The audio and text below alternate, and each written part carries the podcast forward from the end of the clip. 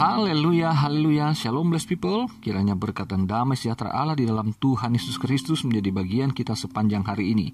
Jumpa lagi dengan saya Pendeta Theodorus dalam Renungan Kristen. Hari ini kita akan membahas tentang kesetiaan versus masalah, terambil dari 2 Tawarik 32 ayat 1. Begini firman Tuhan. Setelah peristiwa yang menunjukkan kesetiaan Hiskia itu, datanglah Sanherib Raja Asyur menyerbu Yehuda ia mengepung kota-kota berkubu dan berniat merebutnya.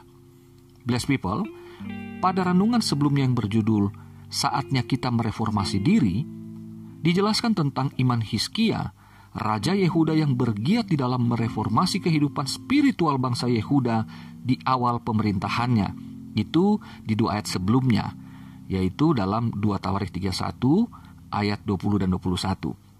Nah, setelah catatan yang sangat mengesankan di dua ayat sebelumnya tadi, maka penulis Tawarik segera beralih dari cerita kesuksesan menjadi pergumulan besar seorang Hiskia yang dikatakan setia kepada Allah. Masalah besar Hiskia ialah ketika Sanherib Raja Asyur menyerbu Yehuda. Dalam dua Raja-Raja 18 ayat 13 dikatakan kota-kota berkubu telah berhasil direbut Asyur dan tinggal Yerusalem yang belum sehingga dikepung di dalam ayat pokok kita. Kalau kita membaca peristiwa ini dari dua Raja-Raja 18 ayat 13 sampai 21, ternyata Hizkia pernah tunduk kepada Asyur dengan memberikan upeti yang sangat besar di ayat 14 sampai 16. Hal ini terjadi pada masa Raja Sargon yang kedua. Namun setelah Sargon kedua wafat dan digantikan oleh Sanherib, Hiskia memimpin pemberontakan negara-negara di wilayah barat melawan Asyur dan bersekongkol dengan Mesir. Inilah penyebab penyerbuan Asyur di ayat 17 sampai 21. Rupa-rupanya Hiskia pernah diperingatkan oleh Nabi Yesaya bahwa Mesir akan kalah dalam Yesaya 20 ayat 1 sampai 6 dan diberi peringatan keras sekali oleh Tuhan bahwa bahaya akan menimpa Yehuda apabila tetap bergantung pada Mesir. Yesaya 30 ayat 1 sampai 14. Dengan demikian, blessed people, Hiskia ternyata meskipun setia kepada Tuhan, tapi ia juga pernah bertindak konyol dan bodoh dengan mencoba bersandar pada kekuatan Raja Mesir dan bukan kepada Allah, Raja Sorga.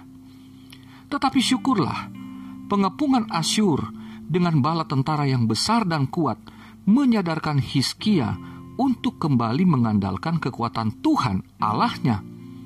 Di satu pihak, juru minuman agung Asyur terus-menerus merendahkan Hiskia dan Yehuda, lalu menghina Tuhan Allahnya Israel.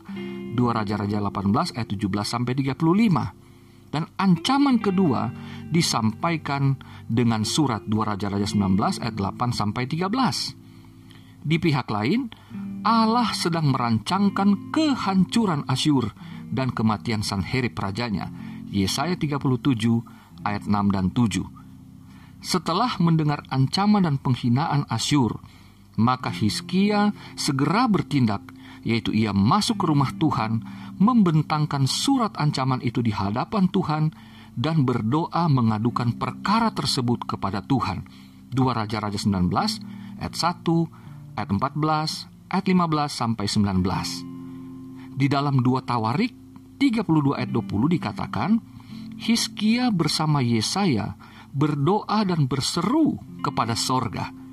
Dan Tuhan segera meresponinya dengan mengirim malaikat untuk melenyapkan Sanherib dan seluruh pasukannya. Demikianlah Tuhan menyelamatkan umatnya ketika mereka mencari dan meminta kepadanya. 2 Tawarik 32 ayat 21 dan 22. Hizkia dalam kesetiaannya berhasil menang melawan masalah besarnya oleh karena Tuhan dan ia diberkati dalam segala hal. 2 Tawarik 32 ayat 23. Nah, blessed people, bagaimana dengan blessed people ketika menghadapi situasi yang sangat sukar, yang kita anggap sudah sangat tidak mungkin dapat kita selesaikan sendiri, sudah sangat jauh masalahnya, sudah terlalu besar. Apakah kita yang setia, yang katanya kita rajin beribadah, rajin melayani, rajin berdoa, dan rajin membaca Alkitab, Tetapi mungkin pada satu waktu, blessed people pernah masuk di dalam kebodohan dan kekonyolan seperti Hiskia, yaitu dalam keputusasaan, lamanya Tuhan datang menolong, lalu blessed people mulai mencari bantuan dengan kekuatan manusia, mengandalkan orang yang blessed people anggap orang tersebut pasti dapat membantu. Dan akhirnya, bukannya kemudahan, bukannya jalan keluar, bukannya solusi, tetapi justru semakin menjepit, semakin menyusahkan, bahkan semakin terjerumus. Apakah blessed people pernah mengalami hal yang demikian?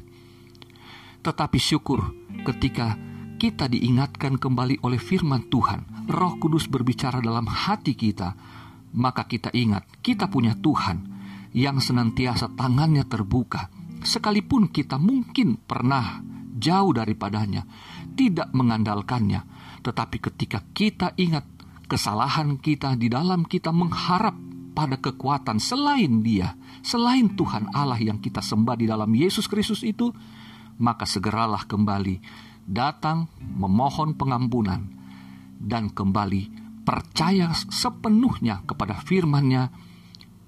Berikan apa yang saudara punya dalam hati pikiran yang menjadi beban saudara dan berdoa serta nantikanlah Dia. Tuhan tidak pernah terlambat dia selalu tepat menurut waktunya, bukan menurut waktu kita. Bagaimana? Apakah kita bersedia untuk menunggu Tuhan di dalam kesetiaan ketika masalah semakin hari semakin kelihatannya membesar, mendatangi kita, mengepung kita? Mari saudara belajar Hizkia, karena kita tahu Tuhan selalu hadir dan Tuhan selalu mau membela dan membebaskan umatnya. Kiranya saudara diberkati, selamat beraktivitas, Tuhan Yesus mengasihimu, Tuhan Yesus memberkatimu. Haleluya, bless people.